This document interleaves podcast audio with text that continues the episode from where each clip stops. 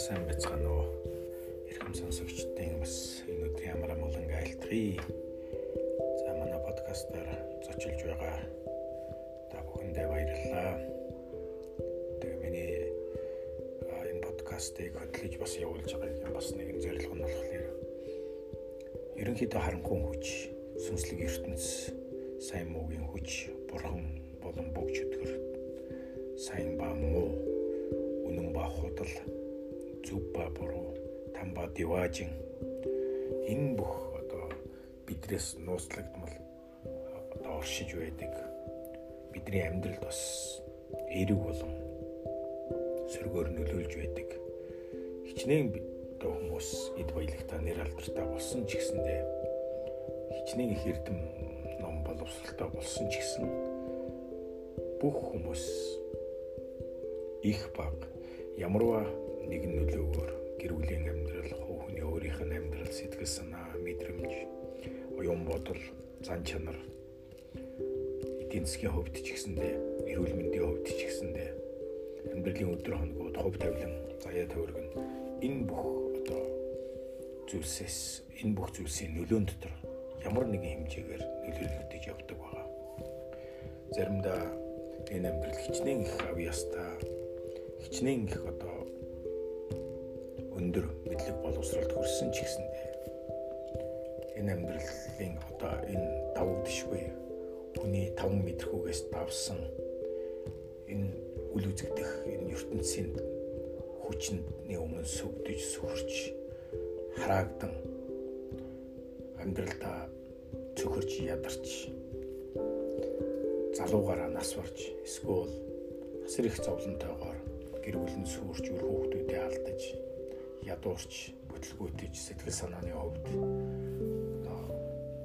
үнэхээр гоныг зовлоног амсаж зарим нь өөр сэтгцийн өвчин төв хүртэл болчихсон заримдаа амьдралдаа асар их айдастай дарамттай тэр харанхуй хүчний нөлөөгөөр хар дарам зүүдэлж маш их дарамт айдсан дотор явдаг хүмүүс байгаа. Тийм заримдаа олон хүмүүс одоо амьдралдаа тэр харанхуй хүчний нөлөөгөөр уур хилэн үзэн ядалтанд автаж эсвэл ямар нэгэн муу хүсэл аж донтой болж хар тамхи эсвэл арх эсвэл зав хайрлалаар гэр бүлээ сүрүүлж эсвэл алга үжирхийлэл тэр зүйл дотор амьдарч ялтан гинт хэрэгтэн болж бүх насаараа шоронгийн хадаас болон амьдарч байгаа ч хүмүүс байгаа. Зарим хүмүүс үнэхээр гаднаасаа харахад үнэхээр ном одоо даруухан гэж харагддаг хүмүүс дотроо үнэхээр ад чөтгөрийн гэмээр зан чанартай аимшигтай одоо аллах хүчрхийлэгч бага насны хүүхдийг болон цуврал аллах үйлддэг эмэгтэйчүүдийг одоо үнэхээр аимшигтайгаар зэрэмдэглэн тарчлан зовоогч нар болсон байдаг. Тэгээд тэд энэ бүхнийг буруу гэдгийг мэддэг ч гэсэндээ энэ бүхнээсээ гарахыг хүсдэг ч гэсэндээ өөрсдийн одоо ухамсарт өөрсдийгөө зан бодол санаа хэл яриагаа зан үйлээ захирч чадахгүй харин тэр бүхний нухамсрын давсан өөр хүч одоо ямар нэгэн тэр гаж зүйлийг хийхэд хүргэдэг байгаа. Тэгэхээр та тийм ээ таны амьдрал та өөртөө бас мэдэрч үтсэн зөвлөж юу вэ? Та энэ амьдралдаа бас яг тиймэрхүү таны бодол одоо хүслээс мөрөөдлөөс чинь өөр давсан тэр бузар мөгийн хүч дотор ч нь ажиллаж байгааг та мэдэрч байсан энэ амьдралдаа. Сайныг хүсдэг мөртлөө сайныг хийхээ мэддэг хэрнээ. Хичээдэг хэрнээ та өөрөө ч мэдлгүй ямар нэгэн нөхцөл байдал донд өөрөө ч мэдлгүй харин хүсдэггүй мууга үзен яддаг тэр бузар зүйлээ өөрөө хийчихсэн. Үнэхээр тэр үедээ гаслаад харамсаад баршгүй тийм нөхцөл байдалд орж утсан уу? Тийм ээ ямар хүч таны мэдлэг одоо ухамсарыг даван таныг юм буруу зүйл хийхэд хөргөж яана гэж та бодож байна. Та бас энэ сүнслэг далд ертөнц байдаг гэдэгт итгэдэг үү? Ерөөл ба хараалын хүч байдаг гэдэгт та итгэдэг үү? Там бад яваажин өгсний дараа хүн одоо тийшээгээ аль нэг рүү нь явдаг гэдэгт та итгэдэг үү? Тэгээ бидний одоо танд одоо сонирхуулах байгаа энэ түүх бол Африкийн нэгэн залуу тохиолдсон түүх байгаа.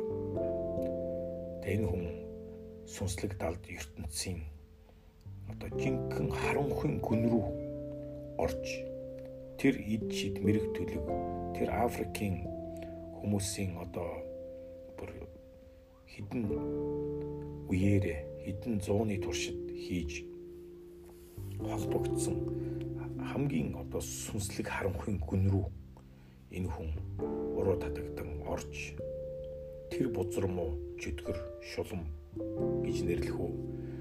Одоо тэр харанхуйн сүнсний хүчтэй холбогдож өөрөө тэр дотор амьдарч алхаж тэр дотор нь орж үдсэн ийм залуу эндээс зугтан гараад энэхүү одоо түүхээ бичиж үлдээсэн байгаа юм л д. Тэг үнэхээр энэ одоо түүхийг сонсож байх үед танд бол үнэхээр итгэмээргүй хүний санаанд оронгүй үнэхээр энэ үнэн үү гэж бодохоор одоо заримдаа та нарын аль хэдийн сонсож байсан харанхуй хүчний талаар одоо айдас давтан сонсож байсан тийм зүйл энэ залууд бодиттой хэрхэн тохиолдсныг та нар сонсох болно. Тэгээ энэ бүхнийг сонсохдоо ямар нэгэн айдас давтаж биш харин үнэхээр ийм харанхуй хүч байдсан байна гэдгийг ухаараасаа эсвэл байдсан бол яаж энэ бүх зүйлд би өөрөө өдөг дунгруу татагдахгүй зөв замаар нь алхах вэ гэдэг тэр сургамжийг энэ хүн өг одоо өгөхийн тулд бичсэн байгаа шүү. За тэгээд энэ хүний түүхийг би та нартай түүний гэрчлэл түүхийг одоо хуваалцах чинь харанхуй хүчнээс чөлөөлөгдсөн. Энэ бол Эммануэль Амосын түүх юм аа. За энэ түүхийн нэгдүгээр бүлэг шин амьдрал руу зугтсан нь гэсэн байна. За энэ хүн өөрийнхөө энэ түүхийг эхлэхдээ энэ хүн одоо аль хэдийн Есүс Христэд итгэж хүн болсон байгаа. Ариун Библийн үгэнд итгэж энэ үг сургаалаар амьдарч орчлон ертөнцийг бүтээсэн энэ цор ганц бүтээгч тэр ариун ариун.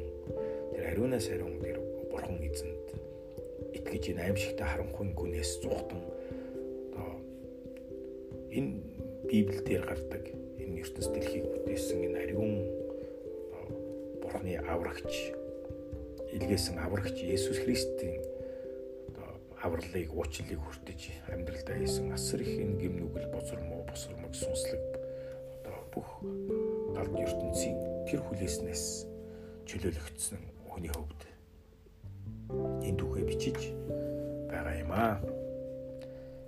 За тэгээд э, явах ёстой замнуул замаар нь замнуулахын тулд хүүхдийг сурах гэж энэ библийн ишлэгийг иш татсан байна тэрээр үтэлсэн ч тэр замыг орхихгүй юм аа гэж Израилийн агуу хаан бидний мэддгээр нөгөө Соломон хаан энэ бол еврей хүн байсан Соломон хаан. Тэгээ энэ Соломон хаан энэ тэнгэр газрыг бүтээсэн бүтээгч бурхан эзэнд тэр Яве Адонайч гэж еврейчүүд хэлдэг. Энэ ариун бурханд итгэдэг хүний хувьд түүний бичсэн одоо гурван Библийн сударт орсон байдаг. Тэгээ Соломон хаан ертөнцийн тэр эзэн бурхнаас юр бус юм мэрэгэн ухааныг олж авсан хүний хувьд тэр Израилийн түүхэнд хүндрэлтний ерөн түүхэнд байгаагүй хамгийн агуу баян хаан тусыг байгуулсан гэж. Түүхчилдэг Библийн судартаж бас түүний түүх бичиж бичигдэж үлдсэн бөгөөд тэр бурхнаас авсан тэр юр бусын мэрэгэн ухаанаараа энэ Соломон хаан а Библийн гурван номыг өөрийнхөө оюун ухаанаар биш хүний оюун ухаанаар биш Бурханаас ирсэн тэр мэрэгэн ухаанаар Бурханы сүнсээр бид нар монголчууд ярьдагчтай онгод орон битсэн тийм одоо номыг битсэн тэр сургаалтууд үгсээс энэ хүн иш татсан байна л д.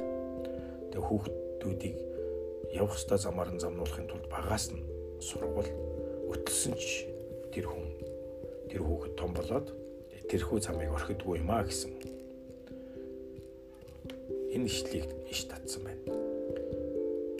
Тэгээ энэ бол явж миний чамд хийж өгсөн зүйлсийн тухай гэрчлэх дүн гэж Есүс Христийн надад тушааж хэлсэн үгийн биелэл болсон Бурхны гайхамшигтай хүч чадалтай нууцлаг үлсийн тухай юм аа. Хүмүүс азгүйтлийг хувь заяаны төөрөг гэж үздэг. Бид хувь заяагаа өөрчлөхийн тулд юу ч хийж чадахгүй гэдэг. Зарим талаараа энэ нь үний юм. Харин Бурхны хүүхэд болсон бидний хувьд бидний амьдрал Бурхны төлөвлөгөөгөөр явагддаг. Тэр төлөвлөгөө нь Бурхантай хэр зэрэг ойр дотн байхаас амьдрал дэх тухайн хүний зориг тэр хүний нийгэмтэй харилцах харилцаа сүнсний төвшин зэрэгээс шалтгаалдаг. Таны амьдралын үйл явц бас зарим гадаад хүчин зүйлүүдээс шалтгаалдаг. Амьдрал дах аливаа хямрал бид сайн мөг сонгох бидний өөрсдийн сайн дурын хүслээс шалтгаалж өрнөдөг. Үүний үр дүнд та хайрлаж эсвэл үзий яддаг. Та ойлгож эсвэл үл ойлголцолд хүрдэг. Бурхныг дагах хүсэл нь шинээр төрсөн итгэгчийн хувьд маш том хүчин зүйл. Харин эс дагах нь нүгэлтнийг сүрэлт хүргэдэг маш том хүчин зүйл юм. Дэлхийд мэндэлсэн хүүхэд энэ дэлхийн сайн, муу, зөв, буруу, бурхан эсвэл чөтгөр шулмас хоёр хүчний нөлөөлөлтөөр ордог. Хүн бүр амьдралын ил хүчний нөлөөгөөр амьдардаг. Хүн бүр амьдралдаа алийг нь дагахаа шийддэг. Библиэд явах ёстой замаар нь замнуулахын тулд хүүхдийг сурга тэрээр өтөлсөн ч тэр замыг орхихгүй гэж хэлсэнтэй би санал нэгтэй байдаг. Хүүхдийн хувьд түүний хамгийн ойр дотн хайртай хүн ээж нь байдаг гэдэгтээ та санал нэгтэй байх байх. Өнчин хүүхдийн хувьд нэг харамсалтай зүйл нь эцэг эхтэй хүүхдээс илүү муу ерийн хүчний дайралтанд өртөмтгий байдаг. Их хүн гэдэг бол хүүхдийн бие сүнсийг хамгаалагч бөгөөд хэрв эцэг их хоёулаа юр бусын байдлаар амиа алдвал тэр хүүхдийн хувьд хоёр дахин зовлонд унаж байгаатай адил юм аа. Миний түүх Имо мужийн бинди орон нутгийн засаг захиргааны мэдлэлт хамааралтай Амерей Ирэгбози Итэм хэмээх нэгэн жижиг тосгонд энэ бол Африкийн нэгэр улсад байдаг. Төрснөөр 22 жилийн өмнө миний түүх эхэлсэн билээ. Миний эцэг их хэдийгээр баян чинэлэг хүмүүс байгаагүй ч миний өвөөгөөс уламжилж ирсэн 42 гектар талбай бүхий газрыг эзэмших хувьд завшаан тохиосон. Гэвч энэ нь манай гэр бүлийн түүхэндх хамгийн хар мөртэй түүхийг авчирна гэж хинч бодоогүй. Миний авд түүний ойрын болон холын хамаатнууд нь үргэлж атаархаж хорсдог байсан. Магадгүй энэ нь түүний эзэмшиж байсан том хэмжээний газраас үүдэлтэй байсан байх л та. Бид аз жаргалтай гэр бүл байлаа бид ихээсээ дөрвүүлээ. Лове, Маргарет, Эммануэль, Чинерия дөрвөн эгч дүүс байлаа. Миний эцэг их анхны хоёр охидоо төрүүлээд 14 жилийн дараа гэрийн ганц хүү болсон намайг болон миний охин дүү Чинерийг төрүүлсэн юм. Бид маш аз жаргалтай гэр бүл байсан. Гэвч энэ аз жаргал эхний гай тогтохоор манай гэр бүлд тохиолдох хүртэл удаан үргэлжилсэнгүй. Миний хайртай ээж гинэт нас оров. Хүмүүс ярихдаа түүнийг мэрэг төлөгчийн хараалаас болж нас барсан гэдэг. Дөрвөн жилийн дараа аав минь ч бас жужуу хэмээх мэрэг төрлийн төлгийн хараалаас болж нас барав. Хоёр жилийн дараа том ихч Лове гинэт нууцлаг байдлаар алга болж удалгүй хоёр дахь ихч Маргарет сэтгэл мэдрэлийн өвчтөй болсон. Эмгэнэлт явдлууд манай эгэл жирийн гэр бүлийн минь амьдралд хойно хойноосоо цувран ирсэн юм аа. Дараа нь бид үүдийг хамт өвөө эмээгийн дээр. Тэнд би баг сургуулаа төгсөж итэмийн дунд сургуульд элсэн орсон юм. Би 3 дугаарын хүртлэн уншиж сурсан боловч санхүүгийн гачигдлаас болж айжмдаа сургуулаас гарав. Гэтэл удалгүй эмээ өвөө маань нас барж оршуулгын дараа охин дүүгийн минь үл таних хүн авч явсан учраас өдийг хүртэл би түүнээс сургийг гаргаж чадаагүй. Дараа нь би надад хандаж байсан хэрцгий хандлагаас болж аавынхаа гэр рүү 13 настайдаа буцахаас өөр аргагүй болсон юм. 13 настай хүүхэд яаж өөрийн эцгийн дайснуудын дунд өөрийгөө тижээж авч явах явж чадах вүлээ. Би маш их айдас дунд амьдарч байв. Амьдралын минь энэ үе намайг өхөн өгтлээ бусдаас айдастай болгосон. Намайг хайхарч тоодох хүн би юу? Бяцхан хүүгийн эмгэнэлт хувь заяаны талаар санаа тавьдаг хүн байна уу? Нэгэн өдөр би бага ангидаа хамт сурж байсан. Чинэдүн он Вуквет таарлцсан юм. Чинэдүн намайг маш их хайрладаг байсан бөгөөд надад тохиолдсон зүйлийг сонссны дараа түүний эцэг эх нь намайг өөрсөд дээр авч халамжлахыг зөвшөөрсөн юм. Амьдрал хэвийн байдалтай эргэж оров. Тэд надад сайхан ханддаг байлаа. Би дахин аз жаргалтай болсон юм. Би бодохдоо дарих намайг тэнгэрээс харж байна. Надад шинэ эцэг их өгсөн юм байна гэж бодож байлаа. Энэхүү аз жаргалтай амьдралдаа би 2 жил байсан. Гэтэл диавол тэр харанхуй хүч ахин амьдрал руу минь довтолж эхлэв. Чиний дун аав ээжтэйгээ хамт Умехия хот руу машинаар аялж явхдаа хөрөн өнгийн хад чулуунууд атсан машинтаа мөргөлдөж газар дээрээ бүгд нас оров. Энэ мэдээг сонсоод би ухаан алдан унсан. Миний ууга шүү үгээр илэрхийлэх аргагүй байлаа оршуулгын ёслол дээр мод хаглах, ойр зүрийн яманд туслах гэх мэтээр арайхийн оршуулгын ёслолыг өнгөрөөсний дараа аавынхаа гэрлүү дахин буцаж ичв. Тэнд би амьд үлдэхийн тулд энд тентхийн аарсаар ажил олж хийж эхлэв. Би ногооны талбай, загсны ферм гэх мэт янз бүрийн ажил хийж байв. Нэгэн өдөр манайхтай ойролцоо амьдардаг нэгэн хүн намайг ферм дээр хөлслөн ажилуулахаар тохиров. Ферм дээр байхад тэр надаас янз бүрийн асуултаар асууж зовоодог байна. Эхлээд тэр надаас эцгийнхээ газрыг үзүүлээч гэв. Дараа нь тэр өөртөө ямар ч садан төрлийн холбоогүй хүнд газраа өгөхийг хүсв. Мэдээж би хоёуланд нь татгалцсан хариу өгсөн учраас тэр надад маш их гомдсон. Маш их уралсан. Дараа нь тэр намайг ойд байхад ална гэж сүрдүүлв. Би айсандаа тусламж дуудан хашгирсаар зугтав. Гэвч шигүү ойд бурхнаас өөр надад тусалж чаар өөр хинч байсангүй. Тэр миний хойноос утгаа барьсаар элдэн хөөж түүнээс би нас залуу байсан тулдал хурдан цугцсан. Тэгж байтал би санамсаргүй метр 82 см-ийн хүнтэй нөхрөө унаж миний дээрээс өвс далдсан байсан учраас хинч олж харахааргүй байлаа. Тэр намайг нилээн хайж байснаа олж чадахгүйгаа мэдээд буцав. Түүнийг явсны дараа би арайхийн нүхнээс гарч өөр замаар тосгон руугаа буцав. Би тосгоны ахлагч нарт энэ тухай хэлсэн боловч хайхарч халамжлах хүнгийн өнчин хүүгийн хэргийг хинч хэрэгссэнгүй. Энэ явдал миний зүрхэнд маш их үзэн ядалтыг төрүүлсэн. Хинч намайг хайрладгүй, хинч намайг хайхардгүй. Намайг эцэг ихгүй өнчин гэдгийг мэдсээр байж яагаад намайг алахыг хүсэж байгааг би оюун бодолдоо түмэн удаа бодов. Амьдрал гэдэг бол тэр чигээрээ гамшиг зовлон. Тэр үед бурхан амиа орлогоос намайг хамгаалж байгааг би мэдэрч байв. Би Христийн сүмд явж эхлэн тосгондоо байдаг. Бурхны чуулган сүмийн бүрэн гишүүн болсон боловч миний амьдралын тухай мэдсэн зарим хүмүүсийн хинж намайг хайхардгүй байлаа. Би Есүс Христийн авралын тухай мэдлгүйгээр энэ сүмийн бүрэн гишүүн болсон байснаа би хэлэх хэрэгтэй. Би сүнсээр дахин төрөх гэж юу байдгийг мэддэггүй байлаа.